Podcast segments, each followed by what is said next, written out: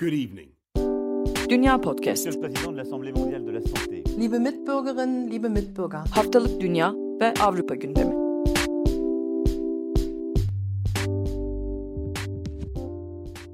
Herkese merhaba, ben Seda Karatabanoğlu. Dünya Podcast'in yeni programı Avrupa gündemine hoş geldiniz. Bildiğiniz gibi Dünya Podcast'i Avrupa özelinde İngiltere, Fransa ve Almanya'dan Akın Art, ben ve Nida Dinçtürk'le aktarıyorduk. Nida Dinçtürk kişisel yoğunluğundan dolayı artık bizim programlarımızda olamayacak. Biz de Akın'a daha çok Fransa ve Almanya özelinde Avrupa gündemini konuştuğumuz için artık aylık olarak kaydettiğimiz bu programa Avrupa gündemi ismini veriyoruz. Bu program aslında bir önceki programımızın devamı niteliğinde. Ukrayna'ya dönük Rusya ile işgal iddiaları gündemden düşmüyorken biz de yeni bölümümüzde Ukrayna ile ilgili yaşanan gelişmelere yer vereceğiz. İlk olarak Akın'a sözü vermek istiyorum. Akın genel olarak gelişmeleri aktaracak bize. Tamam ben genel olarak bir özetlemeye çalışayım. Tabii bunlar bir yandan zor programlar. Aslında bir önce yaptığımız programın devamı niteliğinde bir programı tekrar yapmak zorunda kalıyoruz. Bu aslında ne denir gündemin monolitikleşmesi belki dinleyenler için sıkıcı olabilir bir ölçüde. Fakat Avrupa gündemi buna kilitlenmiş durumda. Bunun da gayet anlaşılır sebepleri var. İkincisi şu yandan riskli. Gündem o kadar sıcak akıyor ki biz bu programı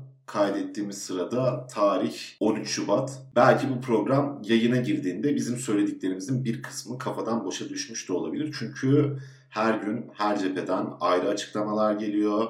Ayrı iddialar ortaya atılıyor. Bu iddiaların bir kısmı şaibeli bilgiler olarak belki değerlendirilebilir. Provokasyon olarak da değerlendirilebilir. Fakat gündem belirliyorlar ve dolayısıyla oldukça çatışmalı bir gündemin sürekli sürekli önümüze geldiğini görüyoruz. Şimdi nedir bu gündemler? Bana kalırsa pek çok uzmana da kalırsa soğuk savaştan beri yaşanan en büyük sıcak çatışma riski içeren gündemlerden birisiyle karşı karşıyayız. Bu gündem öyle bir noktaya geldi ki örneğin geçen hafta çıkacak savaş için tarih verenler dahi oldu. Der Spiegel'ın bir iddiasına dayanarak Türkiye basınına da yansımıştı bu. Spiegel'ın CIA, ABD ordusu ve Alman hükümetinden kaynaklarına dayandırdığını iddia ettiği bir habere göre Rusya önümüzdeki çarşamba günü Ukrayna'ya saldırabilirmiş örneğin. Böyle bir iddia ortaya atıldı. Daha önce de hatırlarsınız 3 Şubat tarihinde ABD Savunma Bakanlığı Sözcüsü John Kirby Rusya'nın Ukrayna'yı işgal etmek için sahte bir video yayınlayacağını, bu videoda Türkiye'nin SİHA'larının da yer alacağını saldırı videosunda söylemişti. Bu gündem e, oldukça tartışıldı fakat neyse ki büyümedi ve ABD cephesi de bundan bir tık geri adım attı diyebiliriz. Bu iddiayı dillendirmekten ve sürekli tekrarlamaktan vazgeçtiler. Şimdi devam edelim bir kronoloji sunalım isterseniz en başta ki olayların ne kadar hızlı ve ne yöne doğru aktığını anlamamız açısından bize bir miktar faydası olsun. 3 Şubat'ta dediğim gibi ki Kirby'nin yaptığı açıklama gündemi belirledi. 7 Şubat'ta Macron ve Putin arasında bir görüşme gerçekleşti. Bu görüşmedeki büyük oval masa çok konuşulmuştu. Onunla ilgili e, detayları zaten Seda aktaracağı için hızlıca geçiyorum. Neredeyse eş zamanlı olarak Olaf Scholz'un Washington'a gitmesi ve ABD Başkanı Joe Biden'la görüşmesi gündemin bir diğer kritik gelişmesiydi.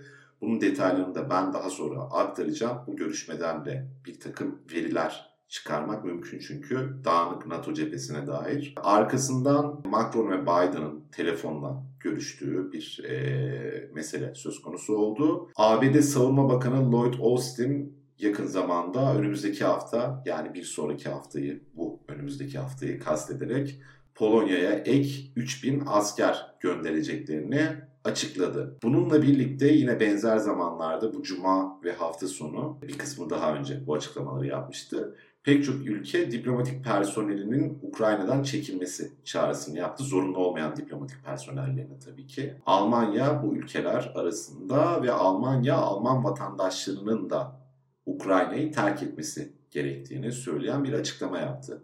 Dışişleri Bakanlığı düzeyinde bunları belirtmiş olayım. Şimdi bunun yanı sıra şu kritik. Bu krizin neden çıktığına dair bir miktar aslında daha önceki programımızda konuştuk.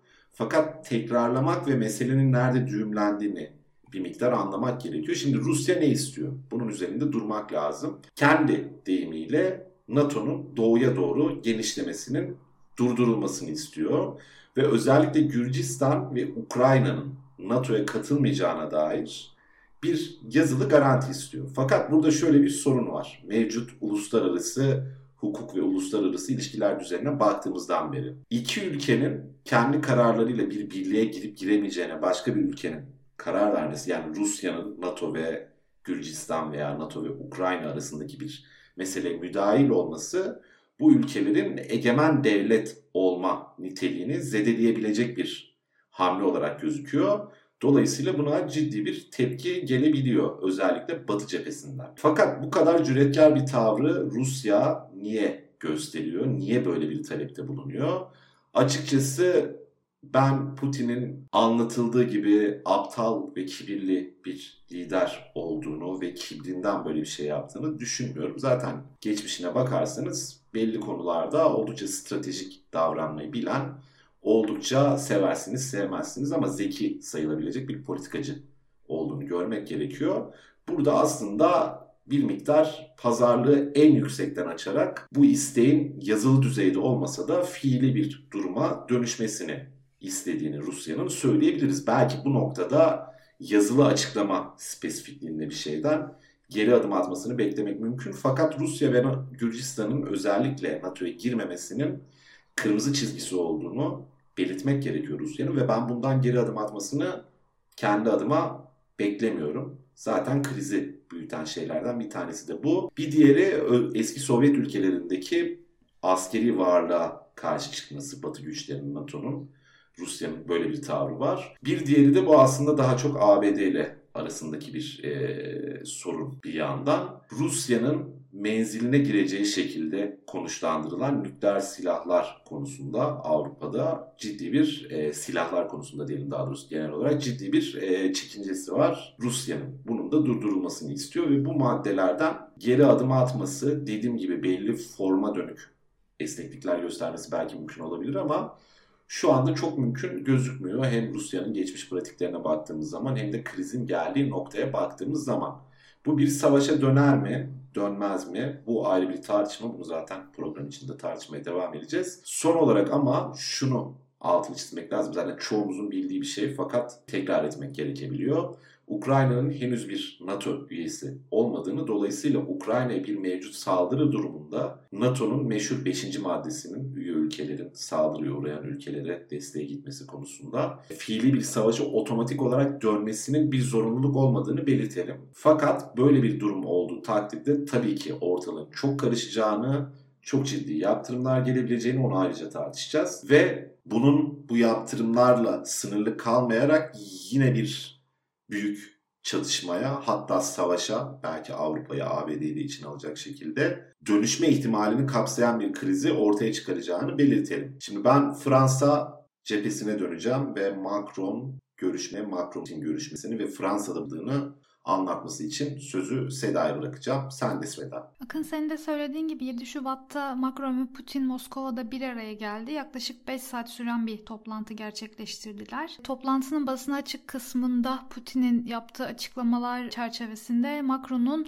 bazı tekliflerinin sorunun çözümüne dair adım oluşturabileceğini ancak henüz üzerine konuşmak için erken olduğunu söyledi Putin. Yine aslında Macron'un Moskova ziyaretinin amaçlarından biri de Ukrayna Ukrayna'da yapılan asker yığılmasının önüne geçmek ve bunu engellemekti. Ancak bu mümkün olmadı. Yine de Putin'in yaptığı açıklamaya göre ilk defa batılı bir liderle ilerleme kat edildi söylendi. Putin Avrupa'da güvenlik alanında yaşananlar konusunda Rusya ve Fransa'nın e, endişelerinin ortak olduğunu söyledi ve konuşmanın e, görüşmenin sıcak geçtiğine dair Macron'a sen diye hitap etti ve Fransa'nın bu konuda ilke, ilkesel ve tutarlı davrandığını söyledi ve bu konuda sana teşekkür etmek istiyorum dedi Macron ona karşı. E, bir önceki programda da anlattığımız ve senin de biraz önce söylediğin gibi Rusya Ukrayna'nın NATO üyesi olma ihtimaline karşı aslında bu adımları atıyor ve ısrarla NATO'nun 1997 öncesi sınırlarına çekilmesi gerektiğini söylüyor. BBC'nin hazırladığı bir harita var. Bu haritaya göre 1997 sonrası NATO üyesi olan Doğu Avrupa ülkeleri şöyle. Estonya, Litvanya, Letonya, Polonya, Çek Cumhuriyeti, Slovakya, Macaristan, Romanya, Slovenya, Hırvatistan, Karadağ, Karadağ, Arnavutluk, Kuzey Makedonya ve Bulgaristan. Yani aslında NATO ülkeleriyle Rusya arasında tek kalan e, sınır Ukrayna. Eğer Ukrayna'da NATO üyesi olursa NATO Rusya'nın sınırına dayanmış olacak ve Putin ve Rusya ısrarla buna karşı çıkıyor ve bunu engellemeye çalışıyor. Yine bu görüşmenin ardından Macron da bir açıklama yaptı ve e, bu görüşmenin e, Ukrayna kriziyle ilgili gerilimi azaltmanın başlangıcı olacağını söyledi. Bunu düşündüğünü söyledi. Macron pek çok Avrupalı müttefikiyle, İngilizlerle, Amerikalılarla ve Kanadalılarla koordine olduğunu, koordine olarak çalıştıklarını ve tüm sorunları detaylı bir şekilde Rusya ve Avrupa için faydalı olabilecek şekilde çözmeye çalıştıklarını anlattı. Diğer bir yandan iki liderin toplantısına 6 metre uzunluğundaki dev masa e, damga vurdu diyebiliriz aslında. Bunun bir Covid önlemi mi olduğu yoksa Rusya ve Avrupa arasındaki mesafeyi sembolize ettiği mi sorusu Fransa gündeminde geniş yer buldu. E, Radyo France'ın Moskova muhabiri Sylvian Trochet'in aktardığına göre Macron ve Putin arasındaki görüşmede ciddi önlemler alındı. Görüşmenin öncesi ve sonrası iki lider el sıkışmadı. Masanın çevresinde kendilerinden başka kimse yoktu ve çevirmenler ayrı bir kabindeydi. Fransız basınında bu olay çok sık tartışıldı. Hatta e, Fransız kültüre göre e, bu iki dünyanın yani Doğu ve Batı'nın boşanmasını temsil eden bir fotoğraftı boşanmasını temsil eden bir görüntüydü. Sosyal medyada da giflere neden oldu. O masa tatravalli oldu. Macron elinde bir megafon vardı ve sesini Putin'e ancak öyle duyurabiliyordu. Fransa basınında e, Putin'in birkaç gün önce Macaristan Başbakanı Viktor Orban'la ve Arjantin Devlet Başkanı Alberto Fernandez'le aynı mesafede e, yer aldığı ancak Kazakistan Cumhurbaşkanı Kasım Cömert Tokayev ile e, yakın mesafede görüştüğü yazıldı. Yani aralarında küçük bir sehpa var ve ikili yan yana oturuyor ve tokalaşarak bir fotoğraf vermişlerdi e, basına. Yine bu dev masa ile ilgili Avrupa Parlamentosu üyesi Alman politikacı Daniel Front bir açıklama yaptı ve iki ülke liderinin 1 Şubat'taki görüşme sonrası fotoğrafını paylaşarak Kremlin'deki masalar bile gaz boru hatlarına benziyor diye bir e, açıklamada bulunmuştu. Görüşmeden birkaç gün sonra yani 11 Şubat'ta Reuters bir haber geçti etti ve Kremlin sözcüsü Dimitri Peskov'un ıı, açıklamasına dayandı bu haber. Macron ve Putin arasındaki dev masanın Covid önlemleri nedeniyle olduğunu yazdı. Aslında Macron Fransa'da e, gitmeden önce bir PCR testi yaptırmıştı. Rusya'ya vardığında Rus yetkililer tarafından bu PCR testi kabul edilmedi ve Rus e, doktorlar tarafından bir PCR testi yaptırılması teklif edildi. Daha sonra e, Reuters'ın bu haberinden sonra ELSE'den bir açıklama geldi ve Rus doktorlar tarafından yapılmak istenen PCR testinin Macron'un DNA'sını tırnak içinde ele geçirmek mümkün olduğu için Fransızların bunu reddettiğini söyledi ve ikili görüşme öncesi Macron ekibinde olan doktor tarafından Macron'a tekrar antijenik test yapıldı. Aslında Ruslar Macron'a iki seçenek sunmuştu. Ya Putin'le yakın görüşürsünüz ve yakın fotoğraf verirsiniz. Bunun için Rus doktorların size yeniden PCR yapması gerekli ya da Macron'la uzak durursunuz ve kendi doktorunuzla antijenik test yaparsınız gibi bir seçenek sunmuştu. Macron ikincisini seçti ve ortaya aslında e, böyle bir kare çıktı. Daha sonra Kremlin sözcüsü Dimitri Peskov yine bu görüşmeye binaen şunları söyledi. Biz Cumhurbaşkanlığını ve ev sahibini korumak zorundayız e, güçlü bir sağlık protokolü uyguluyoruz. Bu büyük masada, dev masada herhangi bir siyasi değerlendirme yok ve bu fiziki mesafe müzakereler hiçbir şekilde müdahale etmiyor dedi. Daha sonra Macron 8 e, Şubat'ta yani bir gün sonra Ukraynalı mevkidaşı e, Vladimir Zelenski ile bir araya geldi Kiev'de. Macron aslında Kiev ve Rus birliklerinin Ukrayna'dan çekilme sözüyle gitmeyi planlıyordu ancak böyle bir taahhüt alamadığı için bu çok mümkün olmadı. Macron yine Ukrayna'nın saygı duyacağı Minsk Anlaşması'nın önemini hatırlattı ve birazdan Akın anlatacağı 10 Şubat'taki Berlin'de Normandiya formatının e, konuşulması için toplanan danışmanlar birliğine işaret etti. Biraz Nakın onu da anlatacak. Aslında Ukrayna krizini Avrupa bazında konuştuğumuz öne çıkan iki ülke Almanya ve Fransa. E, Macron şu an AB dönem başkanlığını yürütüyor yani Fransa AB dönem başkanlığını yürütüyor ve Merkel sonrası her ne kadar inkar etse de e, Macron AB'nin liderliğine oynuyor ve Nisan'da bir seçime girecek. Bu yüzden Macron çok büyük e, adımlarla ve çok büyük sözlerle bu krizde ara buluculuğu üstleniyor. Macron ara buluculuğu aslında bana Amerika'nın Vietnam Savaşı'ndaki kaybından sonra yapılan görüşmelerde De Gaulle'ün üstlendiği ara buluculuk rolünü anımsatıyor. Büyük bir krizde ara bulucu olarak kendi gücünü pekiştirmek istiyor. Almanya tarafında ise yeni bir hükümet var ve bu hükümet için Ukrayna krizi bir diş politika sınavı e, ve bundan başarılı olarak çıkmak istiyorlar kendilerince haklı olarak. E, Macron e, Ukrayna ve Rusya'daki görüşme trafiğinden sonra Fransa'ya döndüğünde 10 Şubat'ta Belfort'ta nükleer kurtarma planı ve Fransa için enerji stratejisi e, adı altında açıklamalar yaptı ve e, Fransa'da 6 yeni nükleer reaktörün yapımının başlanacağını duyurdu. Aslında bu Fransa şu an bir enerji krizi denemez ama bir enerji sorunu yaşıyor. Enerji arzında büyük sorunlar yaşanıyor. Ee, geçtiğimiz hafta içinde Fransa'nın büyük enerji dağıtım şirketlerinden biri olan EDF de e, iki reaktörünü e, çalışmasını durduracağını söyledi. E, bir ar soğutmadaki bir arıza nedeniyle şirket yine geçtiğimiz Aralık ayında da bir reaktörünü durdurmuştu. E, Covid sonrası artan enerji fiyatları bazı ülkelerdeki enerji krizleri nedeniyle aslında Fransa e, nükleere yüklenmek istiyor ve burada da aslında Fransa gaz ne, gazda Rusya'ya olan bağımlılığını azaltmak belki de bitirme isteğiyle 6 yeni nükleer yapacak. Fransa nükleer enerjinin çok yaygın olduğu bir ülke. Avrupa'da en fazla nükleer enerji e, kullanan ülkelerden biri olabilir diyeyim ve Almanya'daki gelişmeleri, Almanya üzerindeki gelişmeleri dinlemek için Akın'a sözü tekrar bırakıyorum. Almanya cephesinde iki önemli gelişme oldu. Biri Almanya Dışişleri Bakanı Alena Baerbock'un e, Ukrayna'ya ziyaretiydi. E, askeri kıyafetlerle vesaire bir görüntü vermesi oldukça tartışılmıştı. Yani böyle bir görüntü vermek zorunda kalması. Bu tabii Almanların çok alışık olduğu bir şey değil. E, ikincisi de Olaf Scholz ile Joe Biden arasında yapılan görüşmeydi. Ve bu görüşmeden çıkan mesajların nasıl okunması gerektiğine dair bir tartışma işliyordu. Görüşmeden birkaç anekdot aktaracak olursak, daha doğrusu görüşme sonrası yapılan ortak açıklamada birkaç anekdot aktaracak olursak. Olaf Scholz ortak hedefimiz Avrupa'da savaşı önlemek ifadesini kullandı. Durum değerlendirmemiz çok benzer. Aynı şekilde tavrımız da çok benzer.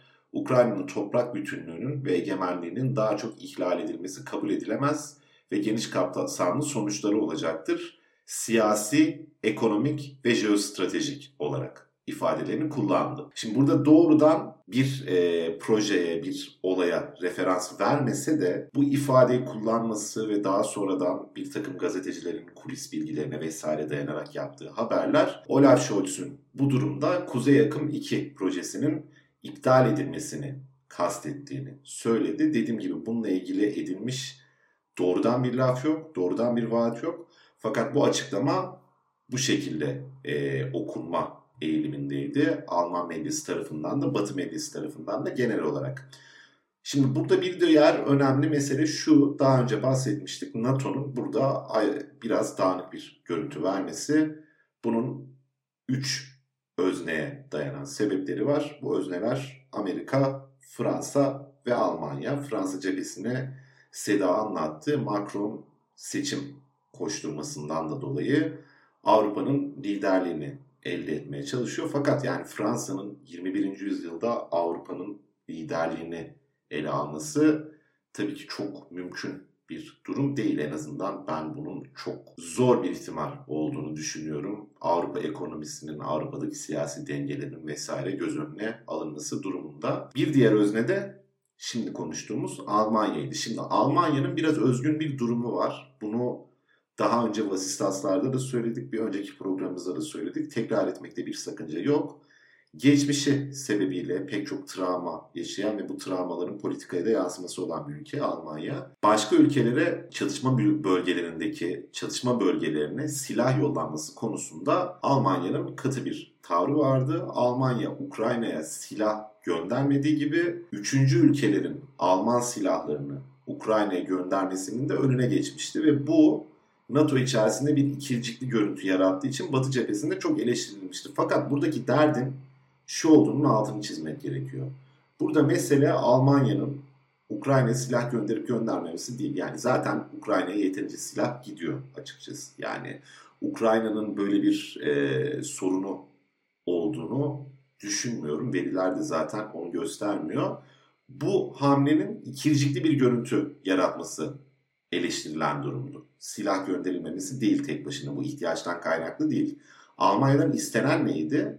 Almanya'dan istenen Rusya'nın Ukrayna'ya saldırması durumunda Almanya cephesinden de bunun ciddi yaptırımsal sonuçları olacağının, ciddi ekonomik yaptırımsal sonuçları olacağının sinyalinin verilmesiydi. Biden görüşmesinde Olaf Scholz'un mesajlarını bu yönde okumak şimdiye kadar mümkün gibi gözüküyor. Tabii ki bu demek değildir ki bir gerilimin artması durumunda veya olası bir çatışma durumunda Kuzey Akım 2 projesi Almanya tarafından kesin olarak iptal edilecek. Buradan bu çıkmasın. Fakat en azından bunu bir koz olarak Olaf Scholz'un satır aralarında hissettirdiğine dönük bir analiz şimdiye kadar mevcuttu. Bunu hatırlatmış olalım. Bu görüşme böyle sürdü. Şimdi neden Almanya kesin olarak böyle bir tavır alır, şöyle bir tavır alır diyemeyiz diyorum. Almanya'nın mevcut iktidar kompozisyonunda, koalisyonunda çok ilginç bir durum söz konusu. Rusya başlığında nedir bu ilginç durum?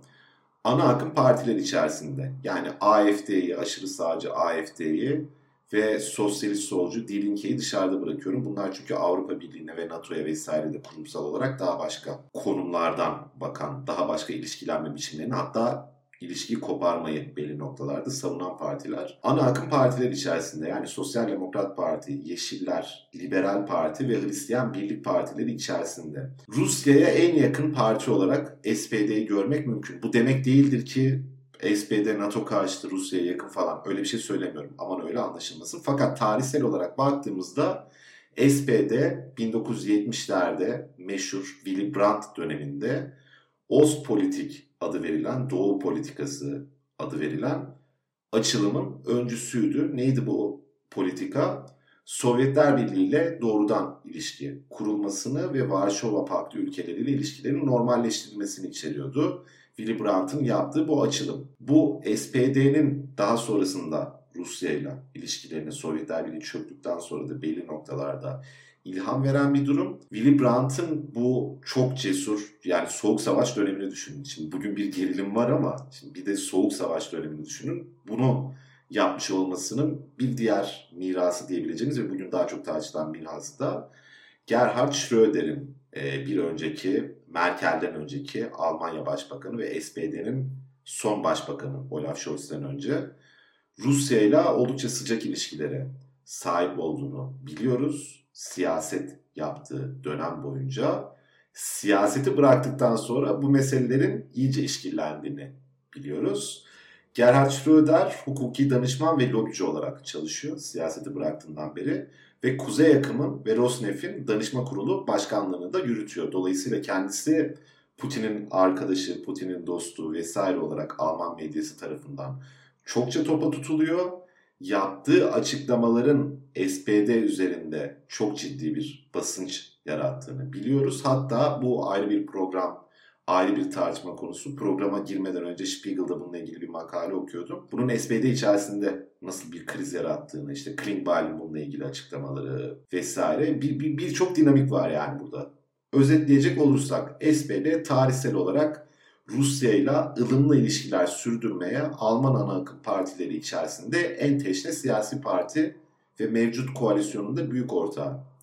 Bir diğer ortağı Yeşiller Partisi ise Rusya ve Çin'le ilişkiler konusunda en eleştirel tavrı, en eleştirel mesafeyi alan ve bu konuda en şahin yaklaşımı aslında temsil eden parti ve Dışişleri Bakanlığı görevini sürdürüyor. Dolayısıyla bu Rusya krizinde Almanya'nın tavır alması gerçekten çok zor bir durum. Yani alınan tavırın geleneksel Alman politikasının bir sürdürücülüğü olduğunu görüyoruz. Sürdürücüsü olduğunu görüyoruz bir yandan. Fakat bunun iktidar içerisinde çok ciddi tartışmalara yol açtığını tahmin etmek hiç zor değil. Krizin daha çetrefilli hale gelmesi durumunda daha büyük çatlakların oluşabileceğini de bekleyebiliriz. Bunu da söyleyelim. Şimdi savaşa döner mi buradaki olası çatışma? Buna elbette kahinlik yaparak şu olur bu olmaz gibi cevaplar vermek mümkün değil. Fakat çok tehlikeli birkaç sinyal var. Bunları e, özetleyerek ben bağlamaya çalışayım.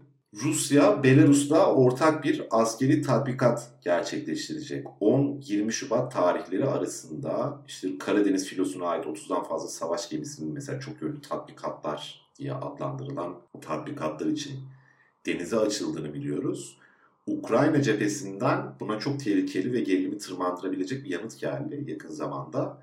Ukrayna Savunma Bakanı Oleksiy Reznikov Aynı tarihlerde Türkiye'den alınan Bayraktar SİHA'larının da dahil olacağı bir askeri tatbikat düzenleyeceklerini söylediler. Bu hamlenin gerilimi körükleyecek bir etkisi olacağını tahmin etmek hiç zor değil. Bütün göstergelerde zaten meselenin bir sıcak çalışmaya dönmesinin çok mümkün olduğunu söylüyor. Fakat ben kendi adıma biraz belki işte wishful thinking denir ya İngilizce'de ummak yani umarak yani bunu umduğum istediğim için belki yani bunun eninde sonunda her iki tarafın da kozlarını oldukça sert bir şekilde masaya sürdükten sonra askeri çatışmaya veya daha mikro askeri çalışmaya dönmeden veya daha küçük ölçekli bir takım çalışmalarla minimize edilerek çözülmesinin hala mümkün olduğunu düşünenlerdenim ve umanlardanım. Çünkü aksi sadece Avrupa için değil bütün dünya için oldukça tehlikeli ve bu bahsettiğimiz ekonomik yaptırımlar meselesi işte Kuzey Akım 2'nin iptal edilmesi vesaire. Şimdi Avrupa'da zaten mevcut bir enerji krizi var. Hatta biz Seda'yla acaba Ukrayna gündemini mi konuşsak yoksa enerji krizini mi konuşsak diyorduk. Çünkü çok ciddi bir mesele. Başka krizleri de e, tetiklemesi çok mümkün vesaire. Rusya'nın geri adım atmayacağı bir senaryo ortaya çıkacak. Bu belli. Fakat burada iş nereye evrilecek? Umarım bir diplomatik şekilde bunun çözümü mümkün olur. Ben bu ihtimalin hala masadan kalktığı görüşünde de değilim. Fakat bir yandan özellikle ABD cephesinden sürekli yeni savaş tarihleri ilan ediliyor. En son Amerikan Dışişleri Bakanlığı da bezdi. Tarih veremeyiz ama çok yakında Rusya Ukrayna'ya saldırabilir gibi bir söyleme döndüler. Bunu da belirtmiş olayım. Ee, sözü Seda'ya tekrar devredeyim. Biraz uzattık yine ama konuda çok çetrefilli olduğu için kaçınılmaz biraz uzatmamız. Senin eklemek, söylemek istediğin bir şeyler var mı diye bırakayım sana söz. Vallahi söylenebilecek şu konumda her şey söylediğimizi düşünüyorum. Üçüncü bir program yapar mıyız Ukrayna ile ilgili? Umarım yapmak zorunda kalmayız. Hmm diye düşünüyorum. Bu hafta böyle kapatalım derim ben. Ben de bu şekilde kapatma taraftarıyım. Dediğim gibi riskli bir program kaydettik. Bu söylediklerimiz anında başa düşebilir. Fakat e, güncelliğini koruyacağını umalım önümüzdeki hafta. Şu yüzden söylüyorum. Güncelliğini korumaması demek büyük ihtimalle meselenin daha da tehlikeli bir noktaya gitmesi anlamına gelecek. Bu da hiçbirimiz için dünya üzerinde yaşayan iyi bir gelişme olmayacak.